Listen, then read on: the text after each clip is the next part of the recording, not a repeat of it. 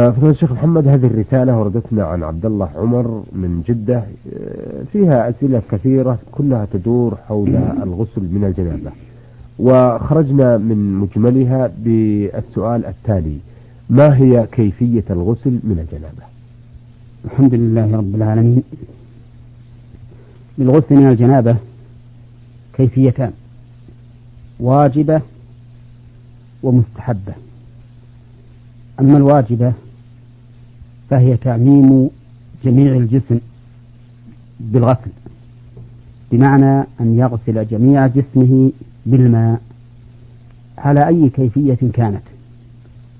ومنها لو نوى وانغمس في بركة أو في ساق يمشي انغمس كله حتى عم الماء جميع بدنه فإنه بذلك يكون قد تطهر من الجنابة.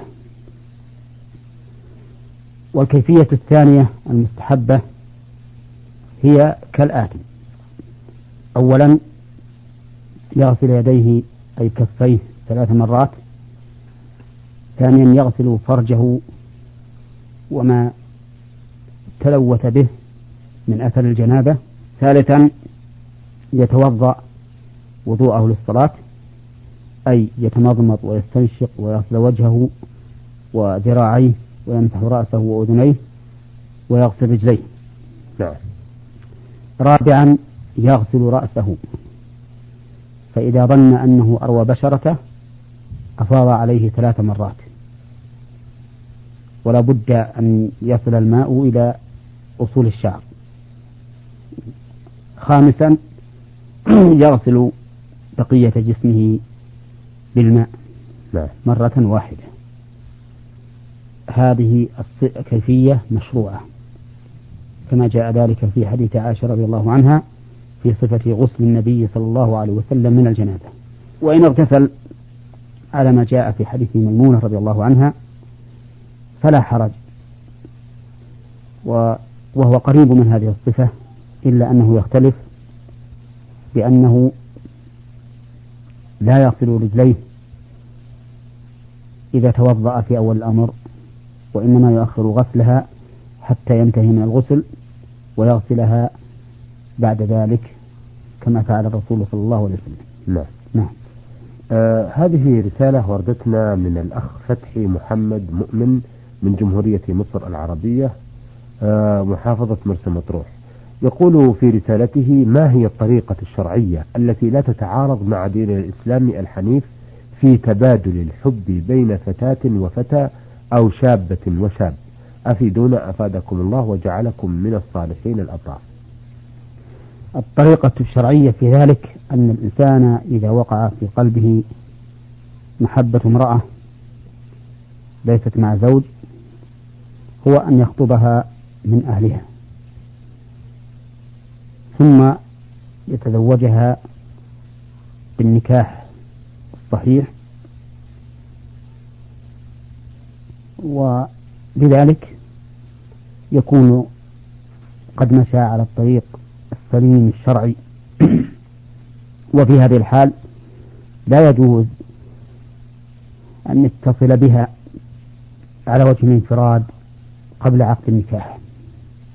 ولا يجوز أيضا أن يبادلها رسائل الحب والتملق والتلذذ بالمكاتبة والمخاطبة وما أشبه ذلك. نعم. لأن المشروع أن ينظر إليها فقط فيما يدعوه إلى نكاحها. إذا كان يحتاج إلى ذلك النظر. نعم. وأما المراسلات والمكاتبات والمكالمات في الهواتف وما أشبه هذا فهذا لا يجوز. لأنه يحصل به فتنة وربما لا يتيسر الوصول إليها بالنكاح الشرعي فيتعلق قلبه بها وقلبها به مع عدم الوصول وصول كل منهما إلى الآخر. نعم. نعم. آه طيب بالنسبة للنظر إلى المخطوبة هل يجوز البقاء معها وتناول شيء من الأكل يعني الزوج والخاطب والمخطوبة أو تناول شيء من المشروبات كالقهوة والشاي وبعض العصيرات؟ لا يجوز هذا لا يجوز إلا أن ينظر فقط. ما يدعوه إلى إلى التقدم إلى إليها. نعم. وبشرط أن لا يكون نظره بشهوة وتلذذ وأن لا يكون مع خلوة. وبشرط أيضا أن يغلب على ظنه الإجابة. نعم. فإن كان لا يغلب على ظنه الإجابة فإن ذلك لا لا فائدة منه. نعم. لكن بالنسبة للمشروب أو المطعوم عموما لا يجوز لا يجوز, لا يجوز لأن هذا يفضي إلى الجلوس معها والتحدث إليها وهذا لا يجوز إلا مع مباحة له من الزوجة أو من ذوات المحارم التي يجوز له أن ينظر إليهم نعم. نعم. آه من خميس مشيط وردتنا هذه الرسالة من المقدم محمد أحمد عواجي. يقول في مدينتنا يعيش كثير من القرود وأنا أحمل البندقية وذات يوم وأنا مع غنمي سولت لي نفسي فأطلقت بعض الطلقات وأرديت بعضها قتيلا. ما حكم ذلك وفقكم الله؟ ليس عليك في هذا كفارة وإذا كانت هذه القرود مؤذية فإنه فإنها يسن قتلها. لأن كل مؤذي لبني آدم فإن المشروع قتله. أما إذا كانت غير غير مؤذية فإنه لا يتعرض لها بل يدعوها. نعم. نعم. آه لكن لو تعرض لها وهي غير مؤذية هل عليه شيء في ذلك؟ الكفارة ليس عليه شيء في ذلك ليس عليه كفارة. نعم. وأما الإثم فلا أعلم في ذلك شيئا. نعم. نعم. آه هذه الرسالة من تاج الدين أبو بكر من السودان. يقول إذا كان هناك مسلم أمام المحكمة وقد أحضر يوم للمحكمة. لكي يحلف باسم الله وقد كان هذا الشخص مدان في قضية وهو يعلم سلفا بأنه مدان إلا أنه أراد أن يحلف فقط لتخليص نفسه من السجن والمحاسبة وليس من قلبه نكرانا للتهمة الموجهة ضده. فهل يرى سيادتكم بأن هذا الشخص سيحاسب على التهمة الموجهة ضده أم لا؟ أم على اليمين؟ الغير صادقة أمام ربه. هذه التهمة التي وجهت إليه وهو منها بريء يجوز له أن يحلف على سلامته منها وبراءته منها. أما إذا كان غير بريء منها ولكنه يخشى من عقوبتها فإنه لا يجوز له أن يحلف بالله سبحانه وتعالى وهو كاذب. لا. لأن هذا الحلف يجتمع فيه الكذب والكذب محرم ويجتمع فيه أيضا الاستهانة بالحلف بالله سبحانه وتعالى والاستهانة بالحلف بالله أمرنا أمرها عظيم. نعم. ولهذا أوجب الله تعالى على من حنث في يمينه وخالف ما حلف عليه أوجب عليه الكفارة وهي كما هو معروف عتق رقبة أو إطعام عشرة مساكين أو كسوتهم فإن لم يجد فصيام ثلاثة أيام. نعم, نعم. آه أيضا يقول إذا وقع حادث لا قدر الله ذلك وكان أحد المصابين قد مات نتيجة الحادث وكان السائق القاتل لا يقصد ذلك. فهل يحاسب هذا السائق أمام ربه يوم القيامة مع العلم بأنه قتل روح جعلكم الله من آه عباده الراشدين. أفيدون جزاكم الله خيرا. هذه المسألة من المسائل الهامة التي ابتلي الناس بها بسبب التهور في قيادة السيارات والسرعة وعدم المبالاة بمخالفة الأنظمة التي تقيد الناس والضابط فيها أنه إذا كان من السائق تعد أو تفريط فإن عليه ضمان ما تلف بسبب الحادث وكفارته إن كان فيه كفارة. والتعدي أن يفعل ما لا يجوز والتفريط أن يترك ما يجب.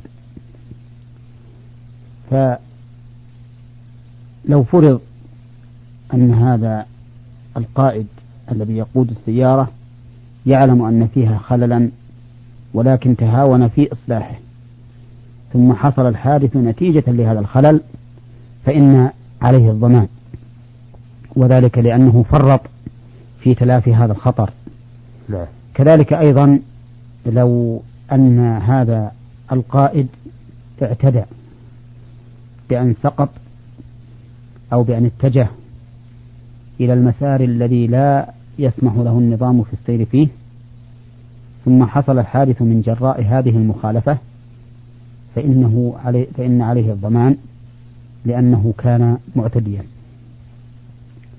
أما إذا كان الحادث نتيجة لتصرف مأذون فيه شرعا فإن ذلك لا ضمان فيه. مثل أن يكون القائد انحرف ليتفادى خطرا. يعتقد أن هذا الانحراف أقرب إلى السلامة من البقاء في مساره نعم. فإنه في هذه الحالة أو في هذه الحال لا ضمان عليه فيما تلف من فيما تلف منها من هذه السيارة بهذا الحادث أعني أنه لا يضمن الركاب الذين فيها أو الأموال التي تلفت فيها لأنه تصرف للمصلحة فهو محسن. وقد قال الله تعالى ما على المحسنين من سبيل نعم. لكن في هذه الحال لو أنه بانحرافه هذه انقلب على شيء فأتلفه أتلف هذا الشيء الذي انقلب عليه فإنه يضمن. يضمن ما تلف بسبب هذا الانقلاب.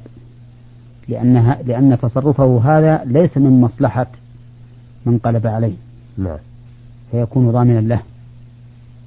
ويتضح ذلك أكثر بالمثال. هذا الرجل لما انحرف تفاديا الخطر وسلوكا لما يراه أسلم ثم انقلب.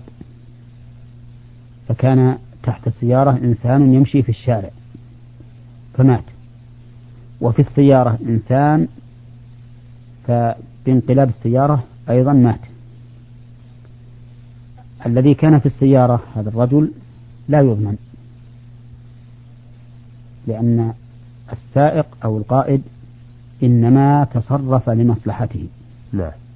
فهو محسن وما على المحسنين سبيل وأما الرجل الذي في الشارع الذي انقلبت عليه السيارة فإن صاحب السيارة يضمنه لأنه تلف نتيجة لفعله الذي لا مصلحة لهذا التالف فيه. نعم. نعم. آه هذه الرسالة وردتنا من المستمع من القصيم أو التاجر من القصيم نون سين فاء يقول آه أنا أحد التجار الذين يتعاملون بالذهب بيعا وشراء وفي بعض الأحيان نبيع الذهب إلى تاجر آخر. وليس لديه السيولة الكاملة لدفع المبلغ المطلوب مما يضطرنا إلى إمهاله ليوم أو يومين لحين توفر المبلغ لديه. أرجو من فضيلتكم إفادتنا عن هذا العمل عموما. هل هو جائز أم لا؟ كما أرجو إفادتي عما إذا كان يجوز أم لا إذا كان هذا العمل الآن في الذكر آه لا لا يتم إلا بيننا معشر التجار. حيث توجد الثقة المتبادلة والضرورة التجارية للقيام بهذا العمل. أرجو إفادتي ولكم خالص شكري وتقديري. ثبت في الصحيح من حديث عبادة بن الصامت رضي الله عنه أن النبي صلى الله عليه وسلم قال الذهب بالذهب والفضة بالفضة والبر بالبر والشعير بالشعير والتمر بالتمر والملح بالملح مثلا بمثل سواء بسواء. فإذا اختلفت هذه الأصناف فبيعوا كيف شئتم إذا كان يدا بيد. فبيع الذهب بالذهب يشترط فيه شرطان الشرط الأول التساوي بالوزن بحيث لا يزيد أحدهما على الآخر. والشرط الثاني التقابض في مجلس العقد من الطرفين. بحيث يسلم لك وتسلم له بدون تأخير. فإن اختلف أحد الشرطين فالعقد باطل وربا. وقد علم ما جاء في الربا من الوعيد الشديد في القرآن وفي السنة. فقد قال الله تعالى في المرابين ومن عاد فأولئك أصحاب النار هم فيها خالدون. يمحق الله الربا ويربي الصدقات. والله لا يحب كل كفار أثيم. ولعن النبي صلى الله عليه وسلم في الربا خمسة. آكل الربا وموكله وشاهده وكاتبيه وقال وكاتبه وشاهديه وقال هم سواء. نعم. فأما إذا بيع الذهب بالفضة أو بما كان بديلا لها كالأوراق النقدية فإنه يشترط فيه شرط واحد وهو التقابض في مجلس العقد. بمعنى أن يقبض كل من البائع والمشتري ما آل إليه بدون تأخير. لقوله صلى الله عليه وسلم فبيعوا كيف شئتم إذا كان يدا بيد. وعلى هذا فتبايع التجار في الذهب بدون أن يقبض البائع الثمن من المشتري محرم حتى ولو كان يثق به. بل الواجب أن يكون يدا بيد. ومن المؤسف أن كثيرا من تجار الذهب الذين يبيعون الحلي يتهاونون في هذا الأمر. ومن الغرائب ومن العجائب والعجائب جمة أن هؤلاء الذين يبيعون ويؤخرون استلام الثمن أنهم يضرون أنفسهم من الناحيتين الدينية والدنيوية. أما الناحية الدينية فإنهم يخالفون أمر, أمر رسول الله صلى الله عليه وسلم حيث قال يدا بيد. وأما الدنيوية فإنه لا شك أن البيع بالنقد أضمن للبائع وأسلم لأنه ربما تمهله واثقا به ولا تأتيه الأمور على ما ينبغي فقد يمرض ويموت ويضيع منه الشيء فيماطلك. إلى غير هذا من الأسباب التي توجب تأخير التسليم إلى أمد لا ترضاه أنت أيها البائع أو آه، فقد التسليم بالكلية. لا. لهذا نرى أنه من الخطأ بل ومن السفه أيضا أن يتبايع الناس بالذهب بدون قبض. وأنت لا حرج عليك إذا قلت إما سلم ولا ما أبي عليك وش ليس عليك حرج. وكثير من السلع الآن تباع نقدا. إذا لم يكن مع الإنسان نقد فإن الناس لا يبيعون عليه وحينئذ يضطر إلى أن يأخذ الثمن معه قبل أن يقف على صاحب الحاجة فيشتريه نعم نعم. أثابكم الله. أيها السادة إلى هنا نأتي.